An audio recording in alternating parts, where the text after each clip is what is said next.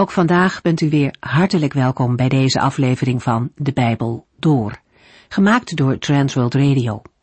Voor meer informatie kijkt u dan op onze website transworldradio.nl. In deze serie gaat u in vijf jaar tijd met ons de Bijbel door, van Genesis 1 tot en met het laatste vers in Openbaring 22. Onze vorige uitzending ging over het eerste gedeelte van Hebreeën 2. Dat zijn ernstige verzen, die de lezers erop wijzen dat zij ook ernst moeten maken met het aanbod van redding dat de Heer Jezus doet. Het gaat immers om een onvoorstelbaar groots geschenk, waar Hij zich tot aan de dood toe voor heeft gegeven. Daar kunnen en mogen mensen niet achterloos aan voorbij gaan. De Hebreeënbrief bevat een aantal waarschuwingen voor christenen, Opletten om niet af te drijven van het evangelie is er één van. De boodschap van redding is niet zomaar iets. De schrijver vertelt hoe God zelf het woord van de apostelen bevestigde. Zij brachten het grote nieuws de wereld in en God bevestigde dat door wonderen en tekenen te doen en gaven van de Heilige Geest uit te delen. In het eerste hoofdstuk stond de godheid van de Heer Jezus Christus centraal en werd duidelijk dat Hij ver boven de engelen verheven is. Hebreeën 2 gaat verder in op een andere kant, op het mens zijn van Christus. Op de vernedering die Hij heeft ondergaan toen Hij voor korte tijd lager dan de engelen werd gezet. Dat was toen Hij moest lijden en sterven om mensen terug te brengen bij God. Om dat mogelijk te maken, dat mensen weer beelddragers van God zouden worden. Daarna is de Heer Jezus met eer en heerlijkheid gekroond en boven alles gesteld. Boven elke engel en alle machten die er zijn. Alleen zien wij dat nu nog niet, voegt de schrijver eraan toe. Vijandige machten gaan nog hun gang en onderwerpen zich niet aan de heerschappij van Christus. De geloofsvervolging uit de begintijd van het christendom is er nog steeds. Maar, hij voegt er nog wat aan toe, wij zien Jezus, en dat is het geheim. Dwars door alle moeite heen zien wij op Jezus, en daarom houden we vol, te midden van alle omstandigheden. Hebreeën 2 vanaf vers 10. In de vorige uitzending lazen we in vers 8 en 9 dat God de Vader de Heer Jezus verantwoordelijkheid heeft gegeven over alles en iedereen. En dat de Heer Jezus zichzelf aan de mensen heeft bekendgemaakt. Wij zien de Heer Jezus op dit moment nog niet zichtbaar regeren op aarde. Maar wij kunnen ons wel voorstellen hoe Hij in de hemelse heerlijkheid aanwezig is. Een gedachte die ons mag troosten en bemoedigen als we ons verward of angstig voelen over de toekomst. Juist dan is het goed om ons te realiseren wie de Heer Jezus Christus is en wat Hij voor ons mensen heeft gedaan, als ook wat Christus nu op dit moment voor ons doet. Hij regeert en onderhoudt de wereld, bidt voor de gelovigen en komt voor hen op bij God de Vader. Daarnaast leidt Hij hen door zijn Heilige Geest. Als we nadenken over wat de Heer Jezus voor ons heeft gedaan, lazen we in Hebreeën 2 vers 10 het was juist en goed dat God, die alles ter wille van zichzelf heeft gemaakt, Jezus heeft laten leiden, waardoor vele van zijn zonen in zijn heerlijkheid konden delen. Door zijn lijden is Jezus hun volmaakte leider geworden, de enige die hen kon redden. Gods liefde heeft Christus tot de dood gebracht, en dat klinkt als een verbazingwekkende tegenstrijdigheid. Toch kan liefde vaak opoffering en pijn in zich hebben. De Heer Jezus kwam niet naar de wereld om politieke macht en status te verwerven, maar om te lijden en te sterven, zodat wij werkelijk zouden leven. Als een mens dat moeilijk te begrijpen vindt, is het misschien tijd om de eigen standpunten en motieven nog eens onder de loep te nemen. Zijn wij mensen meer geïnteresseerd in macht dan in nederigheid? In overheersing dan in dienstbaarheid, in nemen in plaats van geven. Als goedheid en niet egoïsme een mens motiveert, is het mogelijk dat een gelovige ook zal moeten lijden. Waarom begrijpen wij mensen wel dat in een oorlog soldaten hun leven geven voor de vrijheid van anderen? Immers, wij gedenken de doden die vielen op 4 mei en vieren een dag later bevrijdingsdag. We hebben groot respect en eerbied voor hen die hun leven gaven voor onze vrijheid en willen dat niet vergeten. Waarom hebben wij dan moeite met de liefde van God? Uit liefde voor u, jou en mij gaf Christus zijn leven aan het kruis. Door zijn lijden is Jezus onze volmaakte leider geworden, de enige die ons kon redden. In Hebreeën 5, vers 8 en 9 lezen we, Zelfs al was Jezus de Zoon van God, toch moest hij uit ervaring leren wat gehoorzaamheid was. Ook als dat pijn en verlatenheid betekende. Nadat Jezus had bewezen daarin volmaakt te zijn, werd hij de gever van eeuwige redding voor alle mensen die hem gehoorzamen. Het lijden van Jezus Christus maakte hem tot volmaakte leider. Ons lijden kan maken dat wij betere dienaars van God worden. Mensen die pijn hebben gekend, zijn in staat om met gevoeligheid hun lijdende broeders en zusters te benaderen. Als u, jij en ik moeten lijden, dan moeten we ons afvragen hoe die ervaring ons kan helpen om Christus beter te dienen. Hebreeën 2, vers 11. Nu wij door Jezus voor God zijn afgezonderd, hebben wij dezelfde Vader als Hij. Daarom schaamt Jezus zich er niet voor ons zijn broeders en zusters te noemen. Het bewijs dat de gelovigen ook zonen van God kunnen worden genoemd, is dat zij de broeders van de Zoon Jezus Christus zijn. In vers 11 wordt dat aangetoond en in vers 12 wordt dat met een tekst uit de Bijbel bevestigd. Voor de woorden, nu wij door Jezus voor God zijn afgezonderd, hebben wij dezelfde Vader als Hij, lezen we in andere vertalingen, want Hij die heiligt en zij die geheiligd worden, zijn allen uiteen. Met die heiligt en die geheiligd worden, worden respectievelijk Jezus Christus en de gelovigen bedoeld. Heiligen betekent apart zetten voor God. Maar in het Bijbelboek Hebreeën is de heiliging niet één aspect van het christenleven, maar de totale ervaring van bekering tot de eeuwige zaligheid. De gelovigen worden door het bloed van Jezus Christus geheiligd en kunnen dan ook heilig voor Hem afgezonderd worden genoemd. Zowel Jezus Christus als de gelovigen zijn allen uiteen. Sommigen denken bij uiteen aan het feit dat Jezus Christus en de gelovigen allen deel hebben aan die ene menselijke natuur. Maar het is waarschijnlijker dat één een omschrijving is van God de Vader. Het wijst in vers 11 op God als de ene Vader die Jezus Christus deed geboren worden en die de gelovigen deed wedergeboren worden. Vandaar de vertaling van het boek. Nu wij door Jezus voor God zijn afgezonderd, hebben wij dezelfde Vader als Hij. Daarom schaamt Jezus zich er niet voor ons zijn broeders en zusters te noemen. Omdat de Heere hem de eerste wilde laten zijn onder vele broeders, schaamt de Zoon zich niet de gelovigen broeders en zusters te noemen.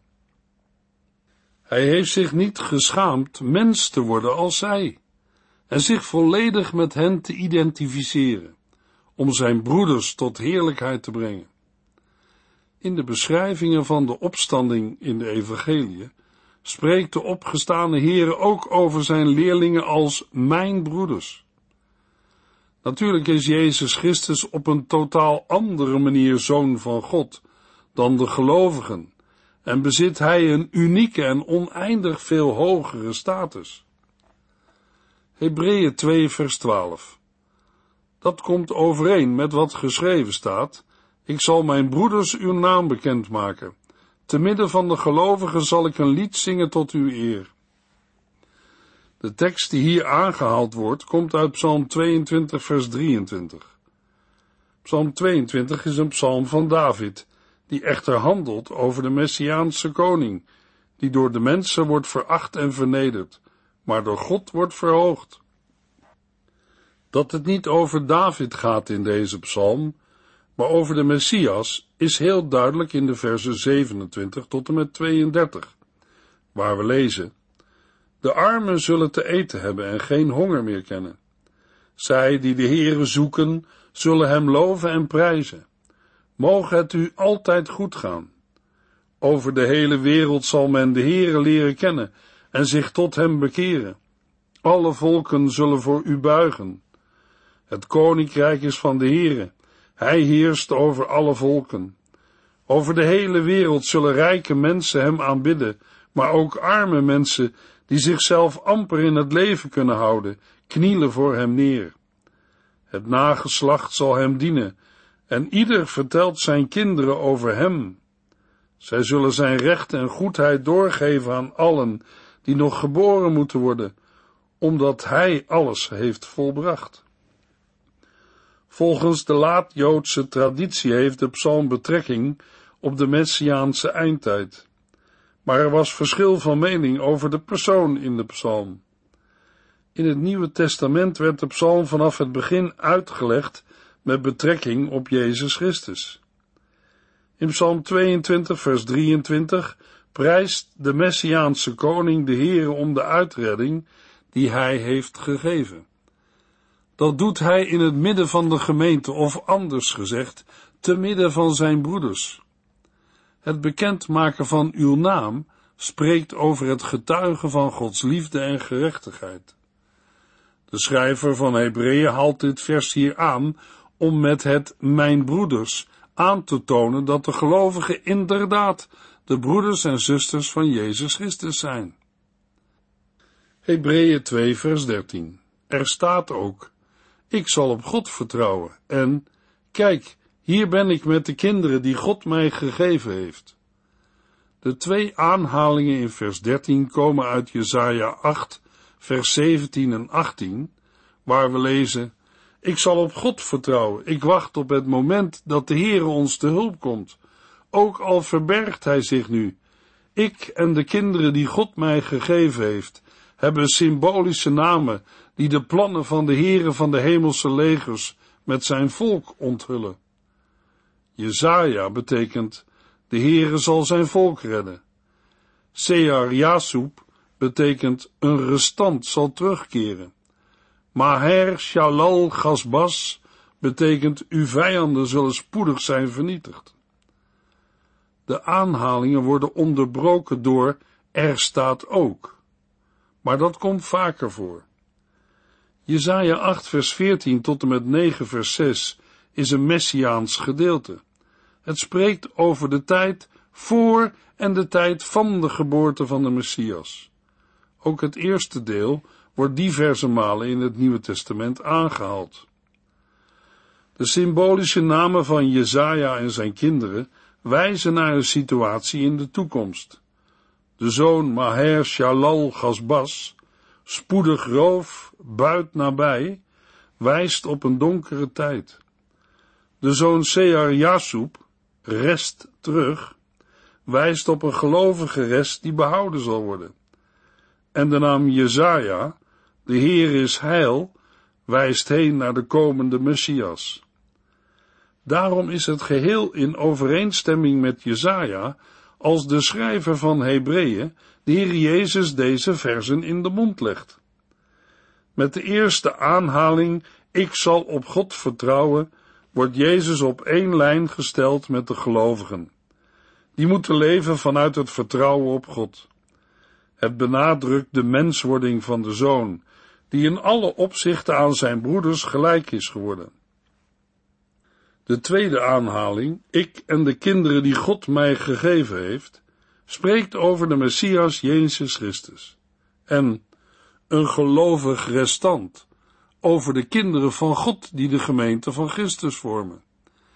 Deze kinderen zijn als broeders van Jezus door de Vader aan de Zoon gegeven. Hebreeën 2 vers 14 Omdat wij mensen van vlees en bloed zijn, is hij ook een mens van vlees en bloed geworden. Want alleen als mens kon hij sterven en zo de duivel die de macht over de dood had, machteloos maken. In aansluiting op het vorige vers, waar de gelovigen ook kinderen genoemd worden, neemt de schrijver het thema van het lijden en de menswording weer op. Om de oorzaak van de dood, de zonde, te verzoenen, moest de zoon zelf sterven in de plaats van goddeloze mensen. Maar om te kunnen sterven, moest de zoon een fysiek menselijk lichaam aannemen. Vlees en bloed is de gangbare uitdrukking om een mens aan te duiden in zijn lichamelijk bestaan, zoals hij door zintuigen wordt waargenomen. De woorden, hij is ook een mens van vlees en bloed geworden, geven een eenmalig gebeuren in het verleden aan. De vleeswording, de geboorte van Jezus, is verleden tijd. En op dit moment heeft de Heer Jezus een verheerlijk bestaan in de hemel. De zoon heeft een normaal menselijk lichaam van vlees en bloed gehad. Met dit verschil dat hij niet leefde in de zonde. De dood is het gevolg van de zonde. De macht van de duivel over de dood is dan ook indirect. Daar waar de zonden van de gelovigen door het sterven van Jezus Christus zijn verzoend, is zijn macht in principe al teniet gedaan. Lichamelijk sterven de gelovigen nog wel, maar aangezien de Heer Jezus uit de dood opstond, weten zij zeker dat de dood over hen niet het laatste woord heeft, maar dat ze bij de komst van Christus een verheerlijk lichaam zullen ontvangen. Hebreeën 2 vers 13 Alleen op die manier kon hij de mensen die hun leven lang vrees voor de dood hadden, uit de slavernij bevrijden. De mensheid wordt omschreven als degene die door vrees voor de dood aan de slavernij onderworpen zijn. Op een andere plaats spreekt het Nieuwe Testament over slavernij aan de zonde of aan de wet. Maar in vers 13 gaat het om slavernij aan angst voor de dood. De dood was voor de mensen in de antieke wereld met zijn epidemieën en kindersterfte een altijd dreigende realiteit. Verder boden de antieke godsdiensten de mens weinig perspectieven voor de eeuwigheid. Het Jodendom vormde daarop een uitzondering. Maar voor de Joden bestond de schrik om bij het oordeel niet gerechtvaardigd voor de Here te kunnen staan. Zo stond ook bij hen het hele leven in het teken van schrik voor de dood en het oordeel van God. Door het sterven van Jezus worden de gelovigen met de Here verzoend en verlost van hun zonde. Zij mogen weten dat zelfs het sterven hen niet scheidt van de liefde van God. In 1 Thessalonicense 4 vers 13 en 14 lezen we daarover over wat er gebeurt met christenen die sterven, willen wij u niet in het onzekere laten. U hoeft over hen geen verdriet te hebben, zoals de mensen die zonder hoop leven. Want zoals wij geloven dat Jezus na zijn dood weer levend is geworden, geloven wij ook dat God de gestorven christenen met Christus zal laten terugkomen. Christus heeft een totale verlossing bewerkt, niet alleen van de angst voor de dood. De wet van God eist de dood als loon van de zonde en zegt, de ziel die zondigt zal sterven.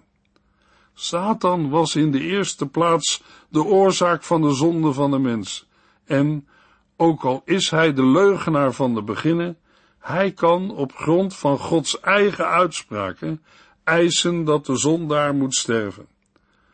Om die reden waren alle mensen, omdat allen hebben gezondigd, bang voor de dood en onderworpen aan de slavernij van de zonde. Hebreeën 2 vers 16 Wij weten allemaal dat hij voor de engelen niet hoeft te zorgen, maar wel voor de nakomelingen van Abraham. De verschillende uitlegmogelijkheden van vers 16 zijn verbonden met de ruime variatie in betekenissen van het werkwoord aannemen of ontfermen. In een andere vertaling lezen we in vers 16, want waarlijk, hij neemt de engelen niet aan, maar hij neemt het zaad van Abraham aan. Of, want over de engelen ontfermt hij zich niet, maar hij ontfermt zich over het nageslacht van Abraham. Vanaf de kerkvaders tot en met de tijd van de Reformatie is vers 16 altijd als een bewijs voor de menswording opgevat. Want hij heeft toch niet de natuur van engelen aangenomen, maar hij neemt de natuur van het zaad van Abraham aan, dat wil zeggen, een menselijke natuur. Sinds de Reformatie vat men het Griekse woord doorgaans op als zich aantrekken of zich bekommeren om. Vers 16 wordt dan een nieuw argument om duidelijk te maken waarom de zoon een korte tijd beneden de engelen was gesteld. Hij kwam immers niet om engelen te verlossen, maar om zich het lot van de mensen aan te trekken. Daarom moest hij een mens van vlees en bloed worden. Met de eerste uitleg, de zoon neemt de natuur van het zaad van Abraham aan, kunnen we nog verwijzen naar de aardse afstamming van Jezus uit het nageslacht van Abraham en naar de belofte voor Abraham en zijn zaad, die door Paulus in Gelaten 3 vers 16 op Christus wordt betrokken. Uitgaande van de tweede uitleg wordt met zaad van Abraham in de eerste plaats het Joodse volk bedoeld, omdat het Bijbelboek Hebreeën speciaal voor Joodse christenen is bestemd. En in het verlengde daarvan allen die door het geloof in Christus Jezus zaad van Abraham zijn geworden.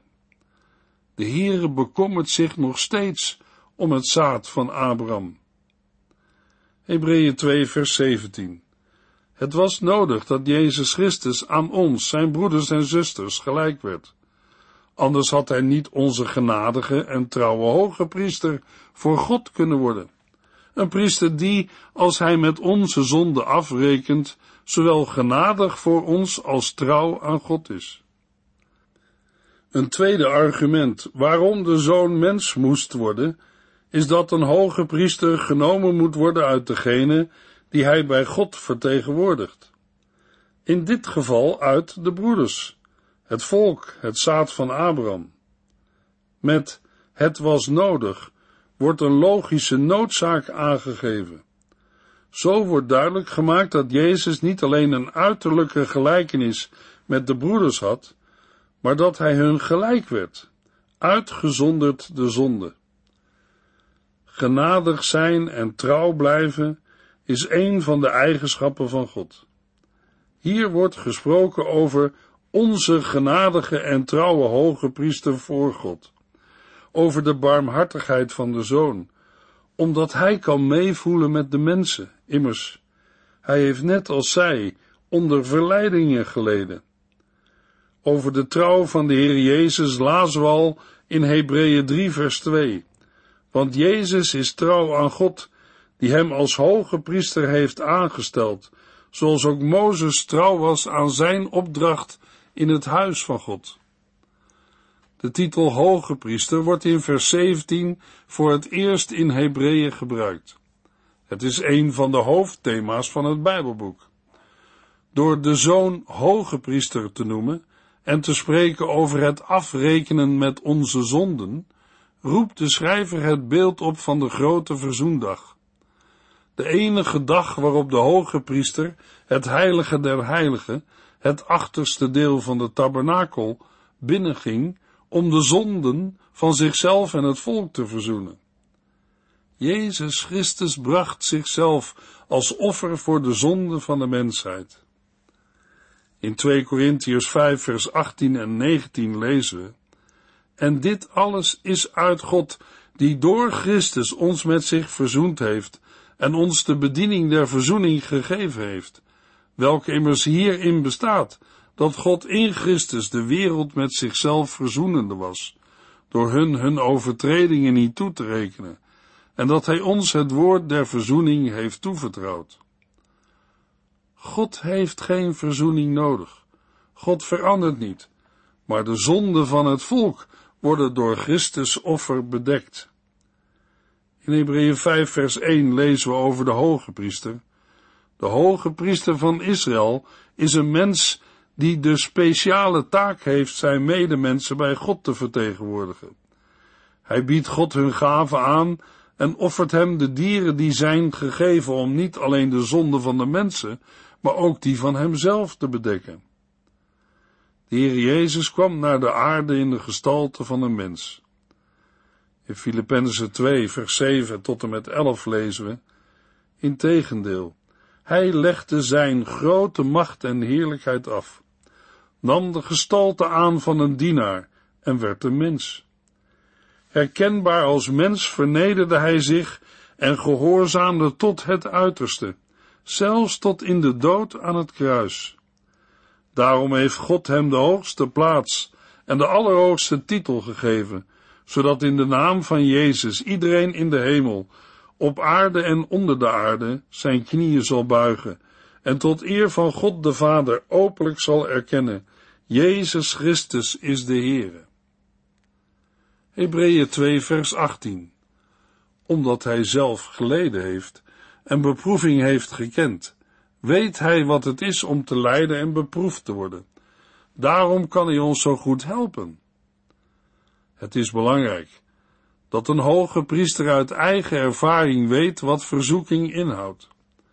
De hoge priesters van het volk Israël wisten dat, maar konden niet wezenlijk helpen, omdat zij zelf ook zondigden in de verzoekingen. In dit opzicht is Jezus Christus uniek. In de volgende uitzending kijken we nog een keer terug op Hebreeën 2.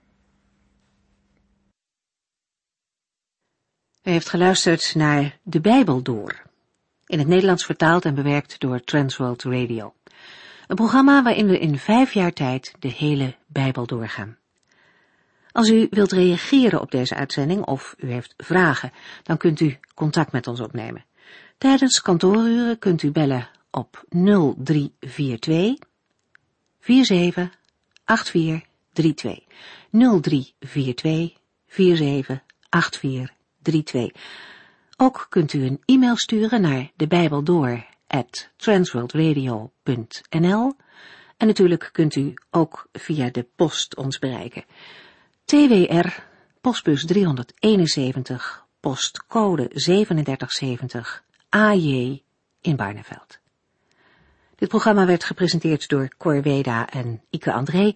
Techniek was in handen van Odin van Voerkom. En wij allemaal bedanken u voor het luisteren. Graag tot de volgende keer.